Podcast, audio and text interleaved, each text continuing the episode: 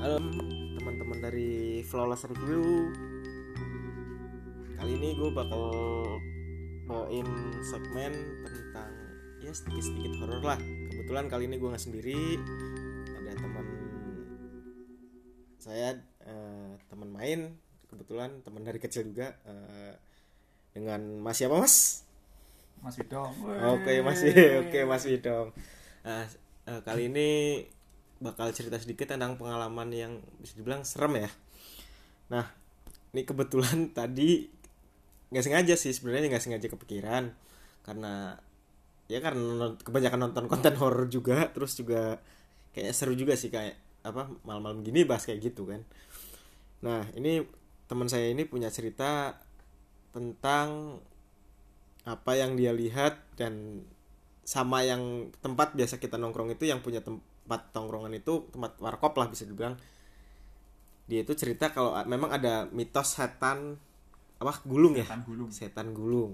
Nah itu kebetulan teman saya dua orang. Nah ini si Mas Widong ini dia ngeliat sendiri setannya kayak gimana. Jadi itu awalnya gimana Mas? Itu itu awalnya dari aku sama temanku. Mm-mm, sebut saja Rama lah. mm-mm. Aku oh iya tahu tahu tahu tahu tahu. aku sama Rama itu itu Mas. Lagi nga- habis nganterin ceweknya. Mm-mm. Aku nganterin ceweknya Rama, Rama Mm-mm. juga ikut.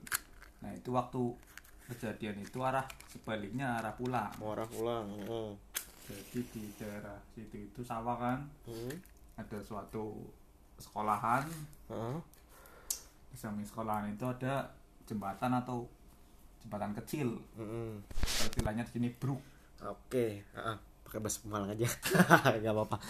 Eh, terus di jembatan itu kayak awal sebelum masnya Mas Widong lihat apa eh, itu setan itu kayak gimana sih?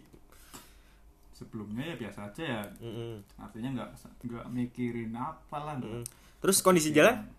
kondisi jalan sepi emang di situ itu nggak ada orang jalan mas Hmm, di situ itu jam 9 itu udah sepi hmm, ya ya ya.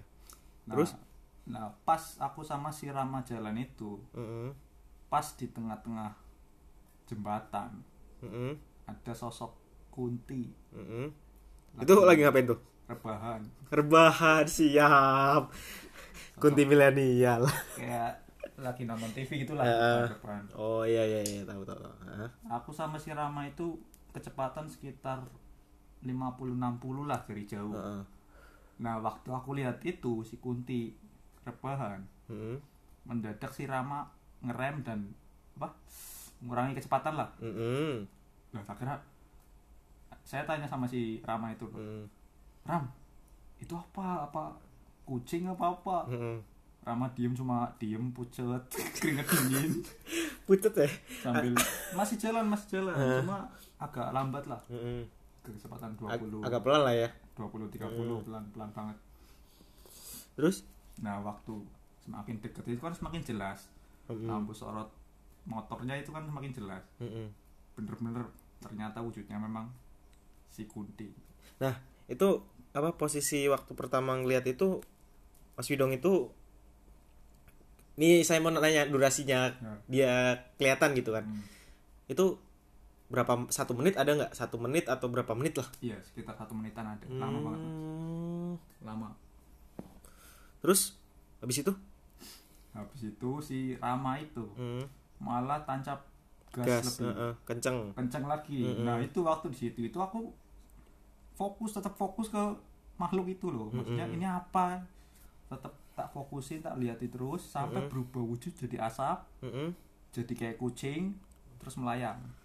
Aneh banget ya maksudnya dari ya namanya setan ya maksudnya namanya jin begitu ya nggak langsung hilang tapi malah jadi bentuknya kayak kucing dulu gitu. Bentuknya kayak kucing kayak kucing tapi panjang.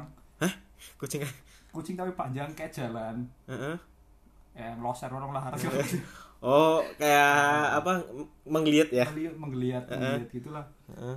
terus ke samping kanan kiri terus ke atas. Ke atas? Nah waktu ke atas itu Heeh. pas posisi keadaan itu di atas motor aku dan Rama itu tadi. Oh. Masih saya liatin mas. Terus terus sampai kepala saya ke atas tak liatin terus apa itu tadi? Sampai saya melihat ke belakang itu si Rama udah udah Kencang banget lah. udah jauh lah ya dari tempat itu ya heeh. bolak-balik saya tanya apa apa tadi itu apa ram? Terus? Nggak jawab dia cuma nggak tahu nggak tahu nggak tahu. Panik takut juga ya Panik, takut. mungkin udah nggak ada yang ada pikiran Nggak ah itu ah, lah." bodo amat lah kayak gitu ya. Nah terus waktu nyampe tempat tongkrongan kita tuh heeh. nah itu waktu di tempat tongkrongan aku lanjut bahas itu kan Hmm. maksudnya apa dia bener-bener lihat juga apa yang saya lihat ya kan. apa apa cuman halusinasi Iya, doang ya kan saya doang kan Heeh. ternyata iya dia juga ngeliat terus cerita lah si ibu warkop tadi Heeh. si ya biasa kita tongkrongan itu bilang apa katanya apa lihat apa tadi dong gitu. Heeh. lihat ini mie ya.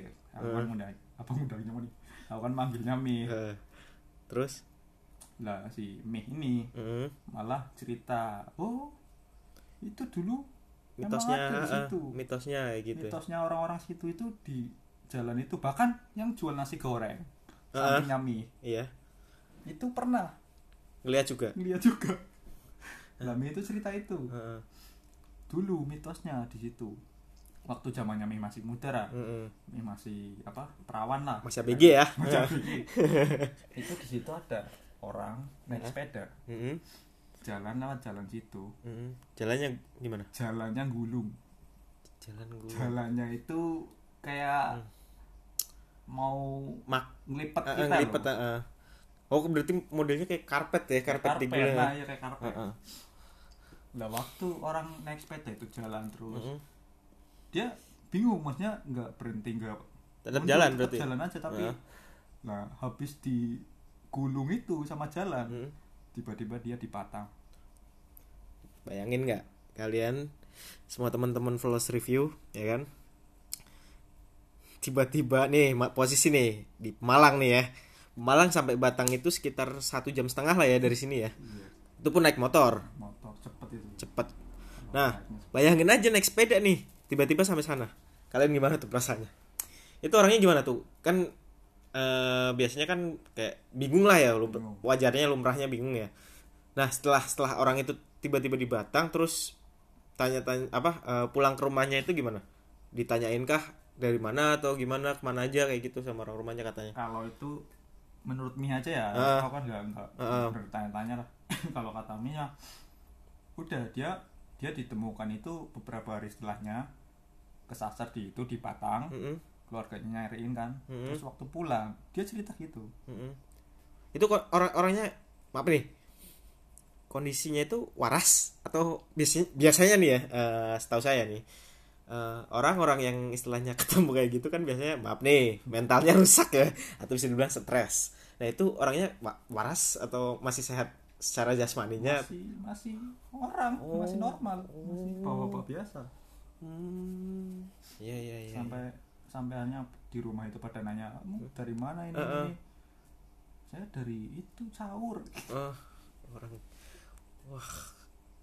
saya jalan ke ini lewat jembatan tiba-tiba Nah, nyampe itu. situ nah itu mulai dari saat itu sampai ya sampai sekarang sekarang jalan sih udah jarang Heeh. Maksudnya udah nggak pernah terlalu seperti itu ya. tid- nggak nggak nggak terlalu maksudnya ya memang sih eh, saya sendiri pun lewat situ ya mas ya waktu berangkat kerja nih. Kadang ada kerjaan malam kan di situ kan.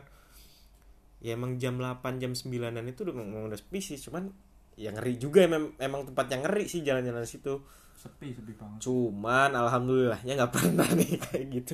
Ah ingat nggak waktu nikahan nikahan teman kita tuh si Rizal tuh Agung Agung? Nah ya itu lewat situ. eh Mas Widong sama anak-anak kan masih di situ. Saya kan balik duluan tuh. Nah, saya juga nggak sempat ngal- mau ngalamin hal aneh nih sedikit cerita nih. Jadi ini ya teman-teman saya sendiri waktu pulang habis acara resepsinya di si teman kami ini si Agung ini saya kan balik nih. Terus kan kalau nggak salah ada lapangan SD apa ya sebelah sana ya? Iya ya SD. SD kan bener kan? Lapangan itu kayak ada ada ada ya itu mungkin Ah, perasaan apa? ah, ada juga nih. Ada yang manggil keras serius serius mas tangannya sambil apa ngelambe-ngelambe gini mas mas ada juga nih kisah Ih, bisa gitu kisah di yang sama Hah? aku baru ingat nih Rama Heeh. Rama yang cerita Rama itu cerita sehabis nganterin Iya. ceweknya Mm-mm. ya jam sekitar jam 9 jam 10 malam lah Mm-mm. itu biasanya ada kakek-kakek mau nyabrang Mm-mm. nah herannya setiap rama lewat. lewat kakek-kakek itu di pinggir jalan. diem di tengah jalan. Jadi kayak mau Nyab- nyabrang nyebrang nggak tapi nggak jadi, jadi mundur lagi maju mundur, mundur lagi, lagi juga enggak diem. Diem. Hmm. anehnya setiap rama pulang nganterin Heeh. ceweknya katanya selalu hampir selalu lah Heeh. ada kakek-kakek itu. Sampai sekarang tuh. Maksudnya sampai dia kan dia masih komunikasi nih sama sama cewek ya kan sama pacarnya tuh. Pacar apa bukan juga saya nggak tahu ya. Nah, itu maksudnya setiap pulang dari sana itu kayak kayak Nah, gitu ya? ada kakek nah itu dia cerita sama aku itu di warung mie juga di Heeh. warkop tadi. Nah terus selain itu nih mas pengalaman apa lagi nih? Kayaknya kan kita dulu sering banget ya kayaknya ngalamin hal-hal aneh. Inget nggak waktu banyak dari dari apa namanya eh, yang dari Pantai Widuri tuh kita pulang apa? Silat kalau nggak salah ya? Ya, nah jadi for your information ya teman-teman ya. Eh, saya sama Mas Widong itu dulu waktu zaman SMP ya. SMP SMA lah. SMP SMA lah ya menjelang SMA lah. Jadi iseng-iseng lah ikut silat ya pencak silat lah. Silat, ha, di, silat. di di salah satu ya bisa dibilang kayak ekstrakurikuler gitu. Di salah satu SMP juga. Nah kebetulan saudaranya si Mas Widong ini orangnya juga kebetulan nggak bisa datang sih nggak bisa nggak main juga sih. Si saudaranya Mas Widong itu ngajakin kita karena ng- nggak tahu ta- nggak tahu dari mana juga ya tiba-tiba waktu Iya, waktu itu nenek apa ya neneknya Mas Widong itu meninggal ya? Iya waktu habis itu. cerita apa ya? Cerita masalah dia apa ada naga kalau nggak salah naga apa apa ya naga ya? Nah kejadian dia cerita diimpiin naga sama kakek kakek ya? Hmm. kakek kakek terus berubah jadi naga kita itu diajakin suruh masuk eh, ekstrakurikulernya dia. Sebenarnya ya itu reguler sih untuk umum ya mas ya. Bebas lah untuk untuk semua masyarakat lah bisa ikut ekstrakurikuler pencak silat di Nggak, salah satu sekolah. itu eh, nggak harus siswa sekolah itu. Nah yang anehnya nih kirain cuman saya nih yang ngalamin maksudnya yang lihat itu apa eh, itu makhluk waktu zaman itu naik sepeda kalau nggak salah ya? Naik sepeda. Maghrib ya? Maghrib. Mau maghrib jam-jam maghrib mau pulang itu waktu jam latihan sore. Kita itu ngelewatin eh, kalau teman-teman ya kalau teman-teman pendengar flawless review ini dari ada yang dari Pemalang tau lah jembatan yang dekat perumahan Widuri Asri. Itu jembatannya lumayan gede terus ada makam di situ. Nah di situ saya sama Mas Widong itu ngeliat orang badannya tinggi banget. Tapi kepalanya di dada. Kalau teman-teman bisa bayangin kayak pesulap, Pesulap. yang mainin apa kepalanya jatuh begitu. Dik. nah tapi raksasa. raksasa itu bayangin aja tuh. Berapa meter nggak tahu tuh. Nah saya kirain itu cuman saya doang. Nah setelah keluar dari wilayah situ sampai rumahnya kakeknya si Mas Widong ini saya nanya sama Mas Widong kamu lihat nggak nah dia kebetulan jawab iya aku juga lihat. Nah itu di situ sampai wah anjir nih maksudnya apaan ya? Kita nggak ngapa-ngapain loh maksudnya kita cuma lewat dan ya memang gak ada niatan apa-apa kayak gitu loh cuman lewat mau pulang di situ mau mandi mau makan ya kan mau istirahat di kebetulan waktu itu masih sering-sering nginep nih teman-teman di rumah saudaranya Mas Widong tuh masih sering banget nginep-nginepan di situ main-mainan. Nah itu tuh kejadian kede- pertama kali kejadian awal di situ terus yang kedua yang pernah dialami Mas Widong itu waktu setelah pindah dari nih Taman Agung nih dari dari sini nih yang pulang ke rumah sana Refonda. Yang keluarga apa? Tuh yang naik motor. Wih, wah itu surprise. Attack ah itu tuh. Itu bener-bener ya kayak kalau aku nggak fokus dikit aja Hmm. kecelakaan aku itu. Jadi gimana tuh mas awalnya awalnya itu kan pulang malam biasalah. Mm-mm. anak muda kan ya. kita nongkrong lah ya. Main nongkrong pulang malam. Mm-mm. nah kebetulan arah rumah saya itu kan sepi. Ya jam, waktu zaman itu ya. Iya, masih apa gelap itu masih lah, sawah lah ya masih banyak sawah belum kayak sekarang ya. kurang, kurang penerangan itu kurang. Mm-mm. lah waktu jalan itu Mm. aku kan naik motor pelan.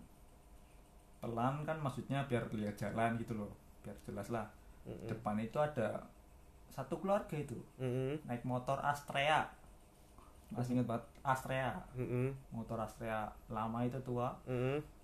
si bapaknya itu yang nyetir di Mm-mm. belakang di tengah itu ada dede bayinya lah Mm-mm. yang di belakang itu ibunya sambil gendong gendong Mm. anaknya itu lah herannya waktu saya salib itu saya lihat wajahnya satu keluarga itu loh Mm-mm. Gimana tuh satu agak pucat. Yang kedua? Kedua nggak ada ekspresi. Kosong ya berarti? bener datar. Ya kosong lah pandangannya cuman cuman kosong lah is- Iya. kayak kayak orang ya maaf maaf kata kayak orang-orang stres lah maksudnya kayak orang stres frustasi kayak ya udah gitulah. Ya udah nggak bisa disembuhin. Terus? Yang saya heran itu itu wujud beneran orang apa bukan? motor. Keluarga naik Eh, eh. motor biasa yang mau saya tanya nih waktu itu waktu Mas Widong bareng nih ya Ah. kan itu kan bareng tuh Bareng sama itu. sama keluar Apa? itu ada ada kendaraan lain lewat nggak selain sama itu sekali nggak ada cuma saya dong terus nah itu pas waktu saya bersampingan lah berjajaran Eh, sama eh, motor papasan itu. lah ya. Pas- nah itu saya lihat si dede bayinya Heeh, coba ngadep Heeh. dede bayinya lah tak liatin terus terus lihat ke jalan lihat situ lagi nah, waktu saya deketin mesti Mm-mm. pepet pepetin ke kiri jalan lah itu si dede bayi teriak nangis. kencang banget nangis. Terus itu orang tuanya? Orang tuanya sama sekali nggak ada ekspresi. Aku langsung panik goyang kan motor hampir jatuh itu. Hmm, langsung tancap gas cepet lah gas. sampai rumah ya? Yang penting pikirannya Nah, udah nyampe rumah? waktu waktu saya gas Heeh. anehnya itu keluarga kayak ngikutin dari belakang saya cepet ikut cepet pelan ikut pelan pelan ikut pelan pokoknya di belakang saya terus istilahnya kayak di kayak di buntutin lah ya buntutin lah Mm-mm. Nah itu kan saya tambah panik, Hmm. tambah tegas, tegas cepet.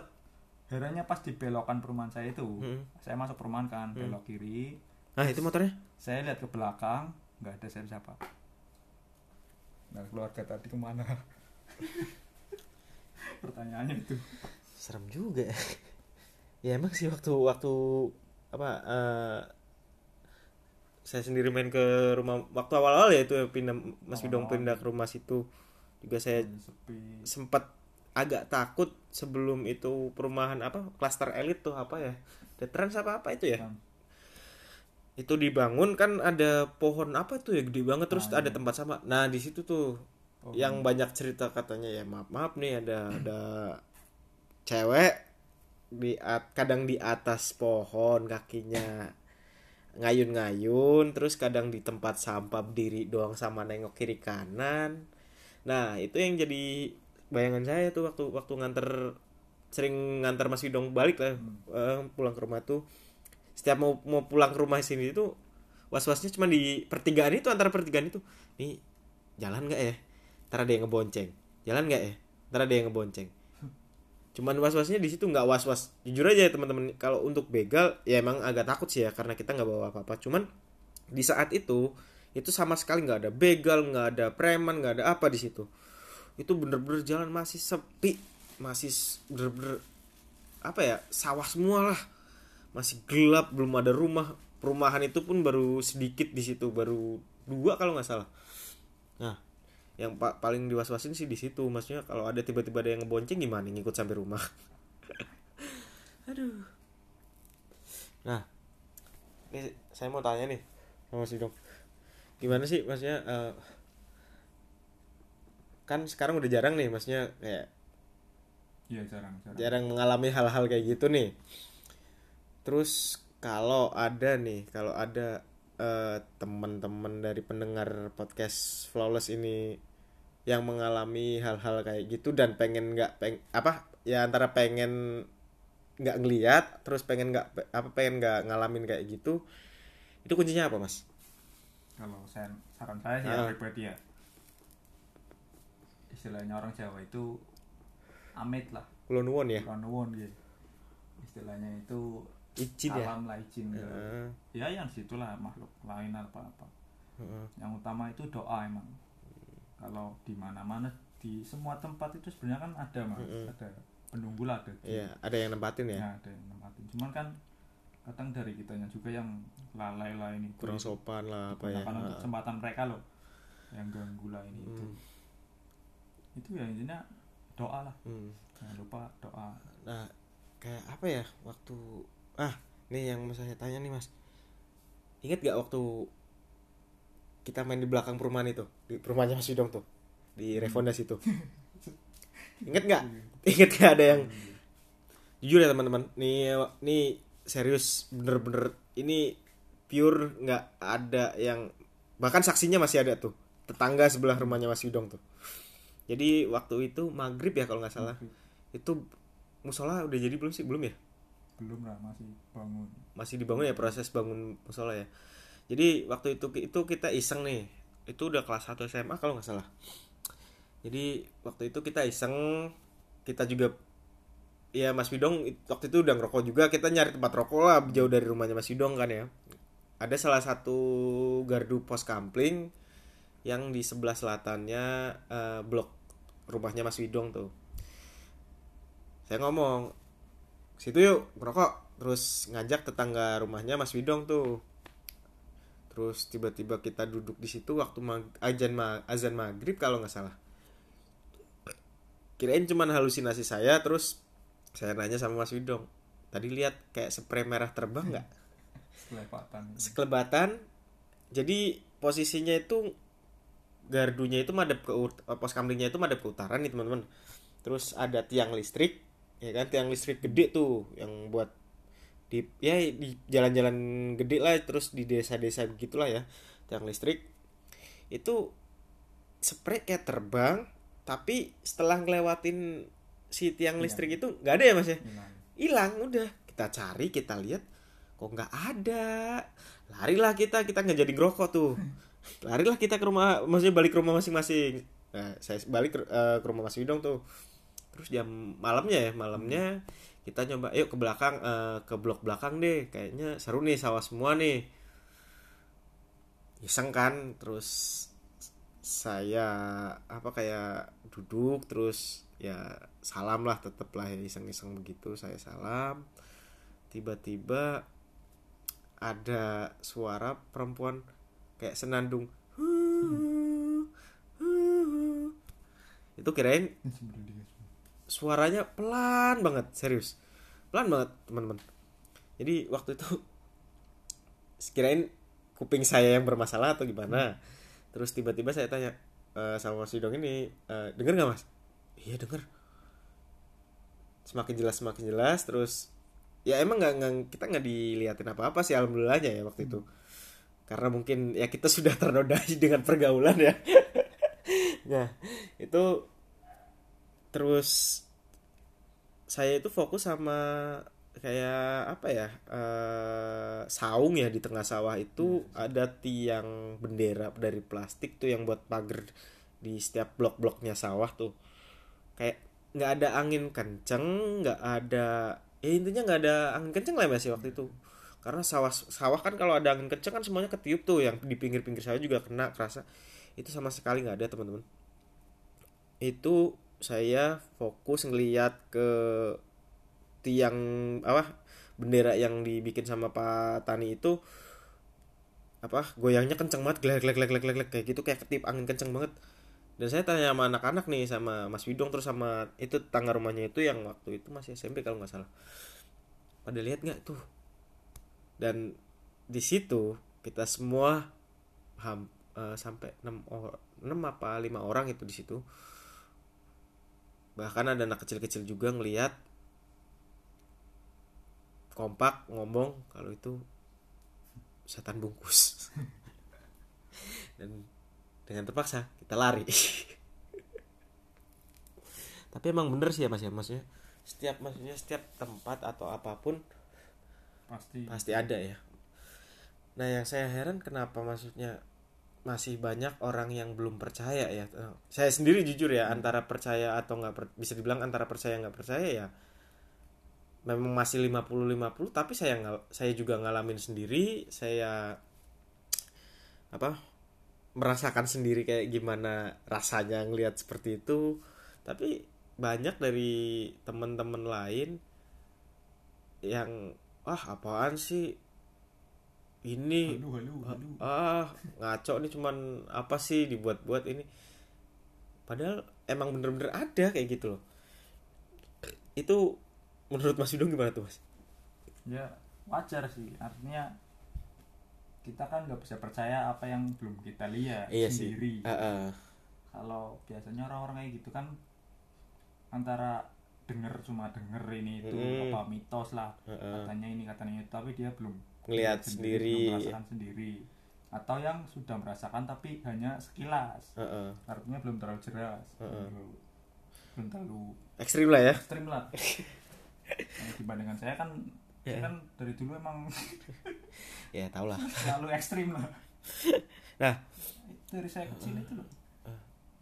Iya yang Ya, cerita. gimana tuh? Eh, yang waktu di di rumah nenek. Eh, yang di rumah sakit ya? Eh yang di mana sih oh yang oh yang ya, yang dulu yang dulu ya ya ya. nunggu rumah nenek pekalongan oh kirain yang di sini. Yang gimana tuh mas? Oh yang yang boneka apa bukan? Bukan yang bamba. Bamba ya Iya. yang bamba ya. Yang bamba itu ya. Itu awalnya gimana tuh mas? Itu waktu waktu itu kan aku masih umur Ya, ya kecil mau, lah. mau saat kelas satu lah. Pak. Sebelum pindah ke Pemalang. Mm-mm. mau kelas satu itu kan aku di Kalongan itu kan sakit Mm-mm. nah katanya Mm-mm. kalau orang lagi sakit itu panca inderanya keluar semua ya menambah sensitivitas kayak gitu lah eh. nah itu aku lihat sendiri guys waktu aku sakit itu kan apa di rumah nenek itu kan pada Mm-mm. rame lah ini ya ya ngejenguk eh, ngejenguk lah ya ngejenguk lah ini itu terus aku lihat sendiri pas di depan mata Mm-mm. Miska itu Mhm. wujudnya tinggi Mm-mm. cewek tapi tinggi Mm-mm. wih langsung berhenti cewek tinggi Eh, wajahnya itu udah nggak karuan udah ya rusak lah katakanlah Mm-mm. ya udah hancur banget lah ya Iya, udah kayak orang ya kayak nggak nggak tahu lah intinya udah hancur lah intinya ya. nah itu depan mata saya itu Mm. si makhluk itu itu ngikutin ayah saya Mm-mm. Artinya kalau ayah saya duduk, Duduk. dia ikut duduk di Mm-mm. sampingnya oh berdiri berdiri berdiri ikut berdiri Heeh. jalan ke mana ikut di sampingnya terus nah waktu itu Mm-mm. ayah saya itu ngedeketin saya artinya mau apa mau tanya kenapa gitu. Heeh. nah waktu itu kan kondisi saya udah panik udah Eh, udah nggak mau lah ya Takut Heeh. lah, udah. Cu- anehnya itu cuma saya yang lihat itu bahkan di keluarga ibu itu kan di Heeh. keluarga ibu. Itu dari bude semuanya itu nggak ada yang lihat kecuali yang laki-laki katanya. Mm-mm. nah itu saya pertama kali lihat itu. Mm-mm. sampai bener-bener jelas di hadapan muka saya itu muka pas dia. papasan ya depan Papasan, tatapan tat- tatapan muka ya? Tatapan muka. Bener-bener Terus? jelas saya mas. Terus? Lihat yang namanya wajah itu. Mm-mm. ya ada matanya udah nggak karuan. Ya intinya nggak berbentuk lah ya sekarang eh, wajahnya. itu terus sampai saya itu di situ marah nendang-nendang ayah saya itu Mm-mm. biar pergi. Mm-mm. soalnya apa? Makhluk itu ngikuti. Kalau saya mendekati saya dia ikut deket saya kan Mm. nggak enak. Jadi posisinya kayak eh eh nyawa Sidong nih. Hmm. semua saya nih ini posisi saya. Berarti itu mbak mbak di sebelahnya di terus? sebelahnya terus. Ayah saya duduk dia ikut duduk di sampingnya Eh, saya bangun itu ikut? Ngeri juga. Kalau nah kalau apa eh sampai Kan- sampai nih Mm. ada, ada cerita lagi nih. Masih di itu rumah nenek. Eh, sampai pada saat nenek saya kan sukanya bikin pengajian artinya tahlilan ya gitu. rutinan lah ya pengajian rutinan biasa kalau di daerah-daerah ada nih teman-teman.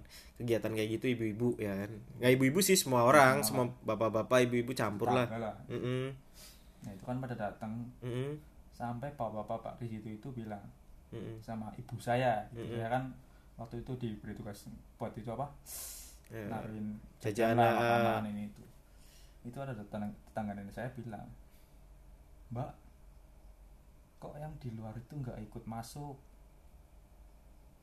nah itu keluarga mulai bingung ya di luar siapa itu lomba itu herannya pas ngelihat ke depan berarti depan rumah itu. Heeh.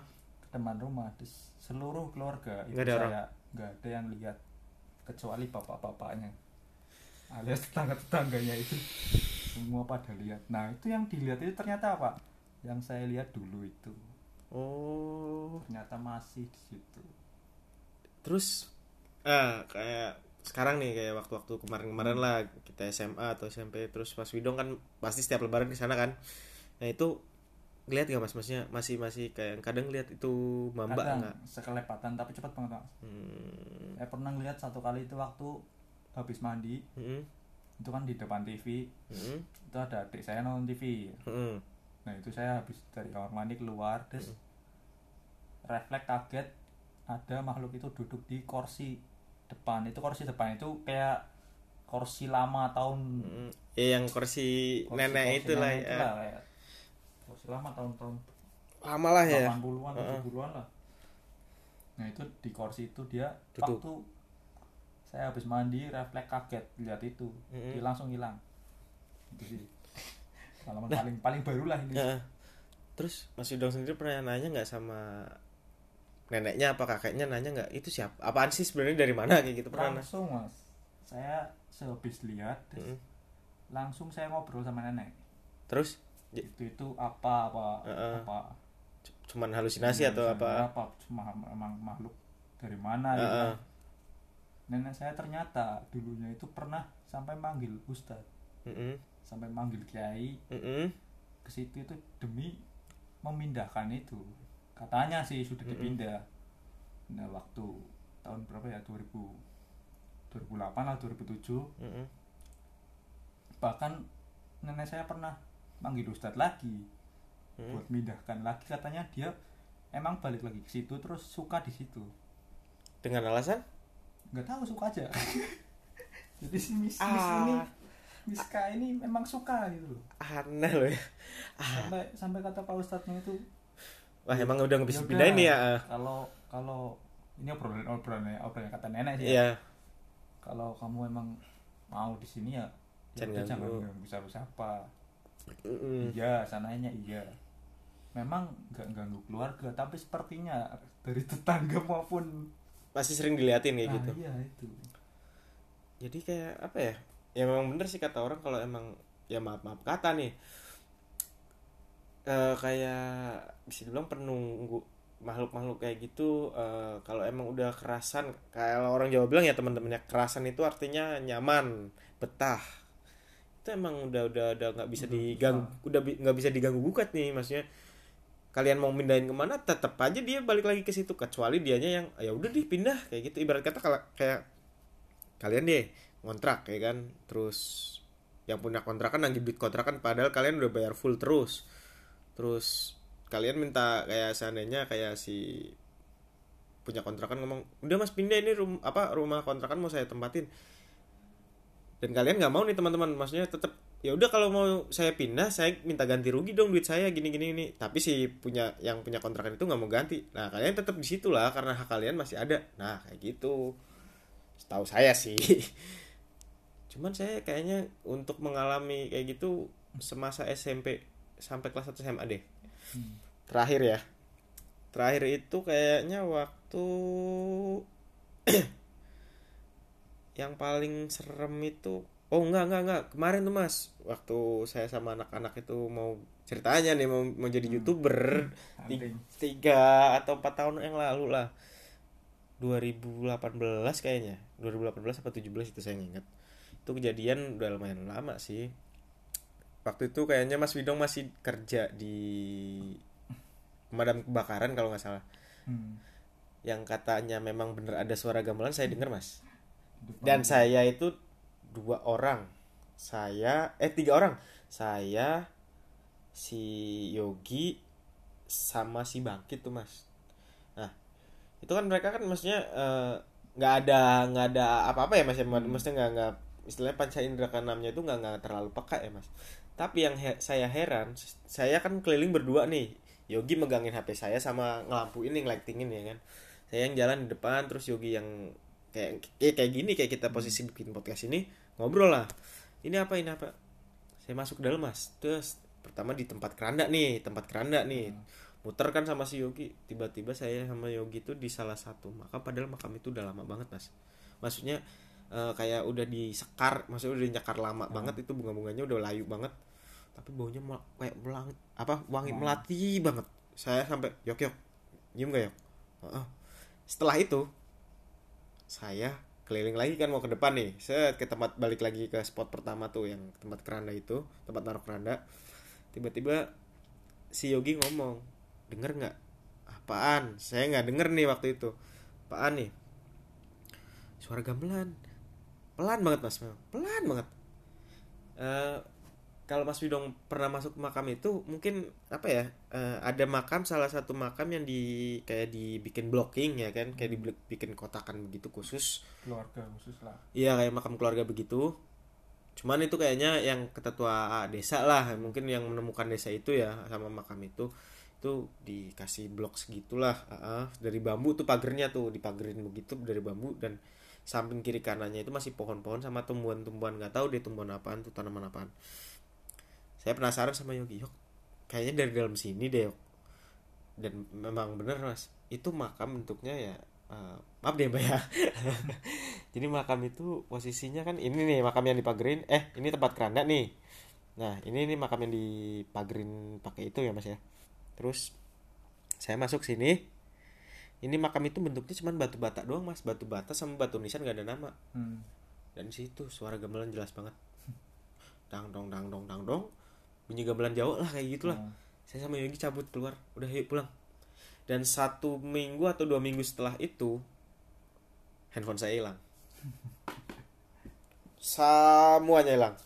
Dan saya di situ kaget apa kualat ya? Kayak gini kayak gini. Akhirnya kita stop untuk bikin istilahnya eh, konten video yang ya bisa dibilang untuk mengganggu kenyam apa kayak mengganggu kenyamanannya mereka. Terus juga kayak ya intinya sih kayak bikin gak nyaman dari sananya lah orang apa makhluk-makhluk itulah dan ah Mas Widong eh, selain maksudnya kejadian yang itu yang waktu kecil itu paling ekstrim di sini nih yang di sini nih waktu udah pindah ke sini terus apa eh, umur ya mungkin udah udah, udah remaja lah BG lah Hmm. itu ada kejadian lain enggak horror life story ya ah itu di ada mana? ada mas. Waktu awal-awal ya. Mm-mm. eh saya kan pindah ke sini kan Mm-mm. beli rumah apa ya istilahnya paman lah. Mm-mm. eh saya itu beli rumah pamannya. Iya. Yang udah nggak ada. Mm-mm. nah di situ itu cuma ada apa anaknya lah. Iya. Nah, itu ayah saya beli rumah. Di di samping rumah kakek saya ini yang di Mm-mm. Malang. Terus? Nah waktu pertama pindah Hah? itu rumah for your infor- information ya Hah? itu rumah luas banget mas. Mm-mm. tahu sendiri lah. Iya tahu. Rumah itu dari depan sampai belakang itu luas bang.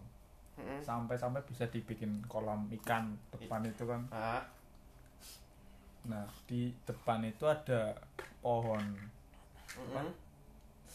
apa namanya Eh, pace lah kalau di sini Pace. namanya pohon pace lah Pacenya ya. apa ya? Pohon pace Eh, apa ya? Meng, eh mengku bukan mengkudu ya coy. Mengkudu ya? Mengkudu lah. Mengkudu mengkudu tuh wah. Pohon mengkudu itu. Mm-mm. nah setiap saya lewat situ ya mungkin karena efek dari rumah nenek kalongan itu ya saya Hmm. masih bisa lihat jelas lah intinya. Ah, saya itu bener-bener lihat cewek lagi mas. Ah, mbak-mbak lagi ya? Mbak lagi tapi wujudnya beda nggak terlalu tinggi seperti di terus nyeremin apa enggak mas waktu itu? Neremi Neremi semua sih. Ya ya tapi emang terkenal sih waktu dulu eh, iya sampai ada cerita itu loh. ya yang katanya apa pedagang ya? Pedagang ibu-ibu. Jadi teman-teman eh, kalau di daerah kita ini kalau zaman dulu tahun ya mungkin 90 lah ya 90-an lah ya. Ya 2000 lah udah masuk 2000 ya? Udah masuk 2000-an lah. Ya dari 90 sampai 2000 lah ya. Masih ada penjual sayur yang di, pagi-pagi di panggul tuh pagi-pagi subuh-subuh buta tuh. Sebelum subuh malah kadang ke pasar tuh. Wah itu masih ada tuh zaman-zaman itu di daerah kita nih. Nah katanya sih di depan rumahnya Mas Widong ini yang dulu Eh, jadi Mas Widong ini pen- punya rumah itu pindah tiga kali ya Mas ya? Tiga kali. Tiga kali ya eh. nah yang pertama itu tuh di eh, yang nomaden kan sekarang udah tetap di sana. Nggak tahu nanti lah kalau udah punya istri kan. Oh, ya beda sih itu urusannya beda lagi mas. Nah jadi itu teman-teman maksudnya eh, kayak apa ya ibu-ibu itu lewat depan rumahnya Mas Widong yang dulu banget itu yang pertama kali di Pemalang itu ngeliat cewek berdiri di di pohon Pohon itu di ya? ranting. di rantingnya ya katanya. Dan itu sampai keranjang belanjaan yang buat jualan besok paginya ditinggal di situ. Orangnya lari. Orangnya lari terus sakit katanya. Sampai pagi-paginya itu ibu saya. Hmm. ibu saya yang ngeliat juga? Ngelihat nggak ngelihat itunya maksudnya keranjangnya? Keranjangnya ini keranjang siapa? Heeh. terus paginya itu kan baru ketahuan oh Ini punya si ibu mbak tuh ini. eh, yang jual jual sayur Ah. ini ya. Orangnya sakit nggak tahu kenapa Ya mungkin karena shock juga sih ya orang-orang yang nggak pernah ngeliat kayak gitu pasti shock lah kaget. Gimana nggak kaget? sampai kejadian maaf maaf ya Hmm. kecelakaan itu sih Oh iya ingat-ingat. kereta. Ya yang anak sini juga sih katanya ya, Iya. anak-anak sini ya. Anak sini eh, yang katanya kalau teman-teman tahu setan budek setiap rewel- lewat rel kereta api itu beneran ada loh teman-teman. Jadi itu kejadian real banget. Dan itu di rel yang sama di tempat yang sama di desa yang sama nggak ada perubahan sama sekali eh, sampai sekarang ya. Dulu cuma satu trek rel kereta cuman sekarang udah ditambah dua ya kan? Nah tuh keretanya lewat tuh baru diomongin. Nah itu sering kejadian tuh di situ. Setiap sore atau apa pun lah jam berapapun ka- pasti ada kecelakaan kecelakaan. Masalahnya nggak ada palang pintu nggak ah, nggak ada yang jaga. ah, waktu itu nggak ada yang Kan jaga. masih masih ya masih masih kayak ya namanya juga kota masih daerah lah ya masih kota kecil gitu zaman itu. Terus belum ada banyak fasilitas banget lah itu ada kecelakaan yang pertama yang heboh banget itu cewek itu si perempuan itu katanya dia salah satu kuli tenun sarung ya mas ya? Iya. dia mau berangkat kerja katanya terus tiba-tiba mau pulang atau mau mau pulang. mau pulang kayaknya? Ketabrak bus. Nah, sepedanya ringsek rusak. Ya jasad jenazahnya sih nggak tahu ya teman-teman saya. Apa eh, tem- saya sama Mas Yudong itu nggak tahu karena waktu itu masih kecil ya Mas ya kejadian kan kita di dalam rumah. Ah, ah, nggak tahu waktu itu. Terus tiba-tiba setelah maghrib ya masih sore lah bisa dibilang jam 7 jam 8 ya Mas ya? Iya. masih jam 7 jam 8 sepeda sepedanya itu ada yang nangisin. Ini real loh kalau nggak percaya temen-temen maksudnya kalau emang ada yang orang Pemalang coba datang aja ke Desa Wanarjan Utara. Dekat situ ada sekarang ada kandang ayam ya mas ya? Kandang ayam. kandang ayam sebelahnya itu masih tempat sampah sih nah itu dulu tempat sampah sekarang jadi kandang ayam Oh ya, ah. nah itu tempatnya. Tanya aja situ deh cerita tentang di situ yang pernah ada buat naruh sepeda kecelakaan di situ tabrak kereta kayak gitu. depan rumah Rum- saya lagi Ah, di rumahnya Mas Widong tuh. Dan nggak tahu kenapa ya teman-teman. Setelah Mas Widong pindah situ, eh pindah dari situ, pindahlah ke sini ke dekat rumah saya di Taman Agung. Dia yang pindah pertama nih sebelum saya nih. Dan setelah saya pindah sekitar 2 tahun ya Mas ya. Hmm. kita satu SD lagi maksudnya satu sekolah SD terus saya main eh, ke rumah dia dan yang anehnya setiap rumah yang ditempatin dia sama saya itu pasti ada hal-hal aneh ada aja kalau nggak di dalam rumah di luar rumah nah waktu saya nginep di rumahnya Mas Widong yang sekarang yang eh bukan yang sekarang sih yang kedua lah. kedua di sini. Itu itu saya main malam-malam habis sholat maghrib tuh padahal rumahnya di depan masjid tuh. Hmm. jadi ada tiga rumah tuh di situ teman-teman. Rumahnya pas perdi pertigaan apa ya mas ya? Pas pertigaan rumah dua lantai yang lantai duanya belum jadi lah belum selesai bangun bangun lah ah, ah.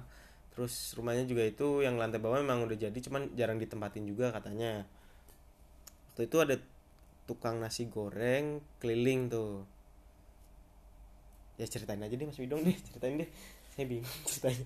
Takut juga sih. Deket sih ya. Aduh. Waktu itu kan keluar kan Mm-mm. bareng kan mas itu. Mm-mm. ke nyetop itu ra. Tukang nasi goreng keliling. Heeh.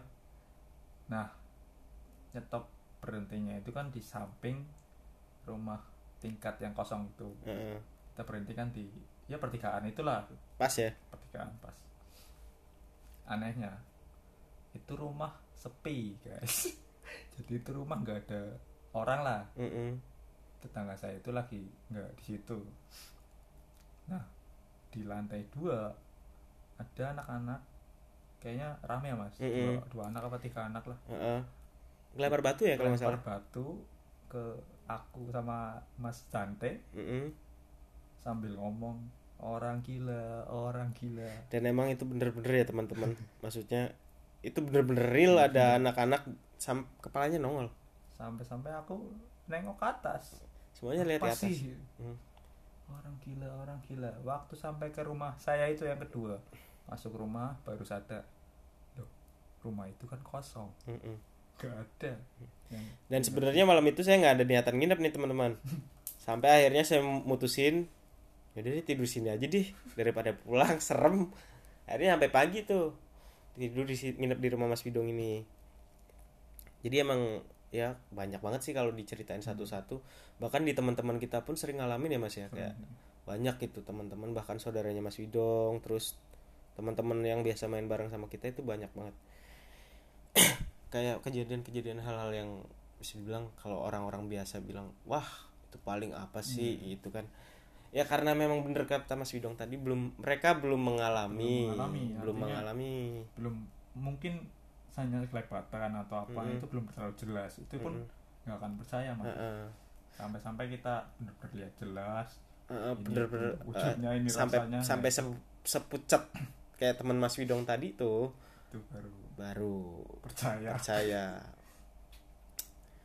Nah kesimpulannya sih kalau itu ya kalau kata orang Jawa sih ya teman-teman kalau kalian di mana pun tempatnya di mana pun apa gimana pun situasinya satu jaga tutur kata jaga tingkah laku terus apa-apa harus permisi atau kulun won di mana pun tempatnya karena beberapa kejadian juga dia eh, sempat dia masukin artikel-artikel apa pun coba teman-teman browsing di mana pun deh.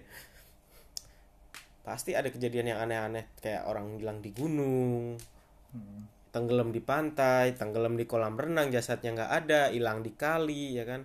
Nah itu karena eh, jujur aja karena mungkin kurang ada sopan santun sama yang nunggu di situ. Tapi emang bener memang bener-bener ya kalau orang-orang orang sekitar situ bilang mas jangan ini ya mas ya kalau ke situ eh kulon nuwun atau assalamualaikum dulu lah sama situ terus eh, jangan sembarangan kalau apa main ke situ nempatin di situ atau duduk-dudukan di situ nongkrong di situ jangan sembarangan. Dan memang bener teman-teman. Jadi setiap tempat itu memang ada hal-hal seperti itu. Oke cukup podcast kali ini thank you banget buat Mas Widong nih udah Thank udah you, cerita you. pengalamannya. Terus ya banyak sharing juga sih ini. Jadi buat teman-teman yang nanti ngedengerin podcast ini podcast flawless review yang segmen horor mungkin saya akan buat lagi dengan dengan banyak narasumber yang berbeda Yang terus cerita-cerita yang lain. Dan ya intinya nanti bakal kita sharing bareng di sini. Jangan lupa follow IG-nya Flawless Review terus juga di like juga terus juga pantengin terus ya eh, podcastnya di Spotify. Thank you see you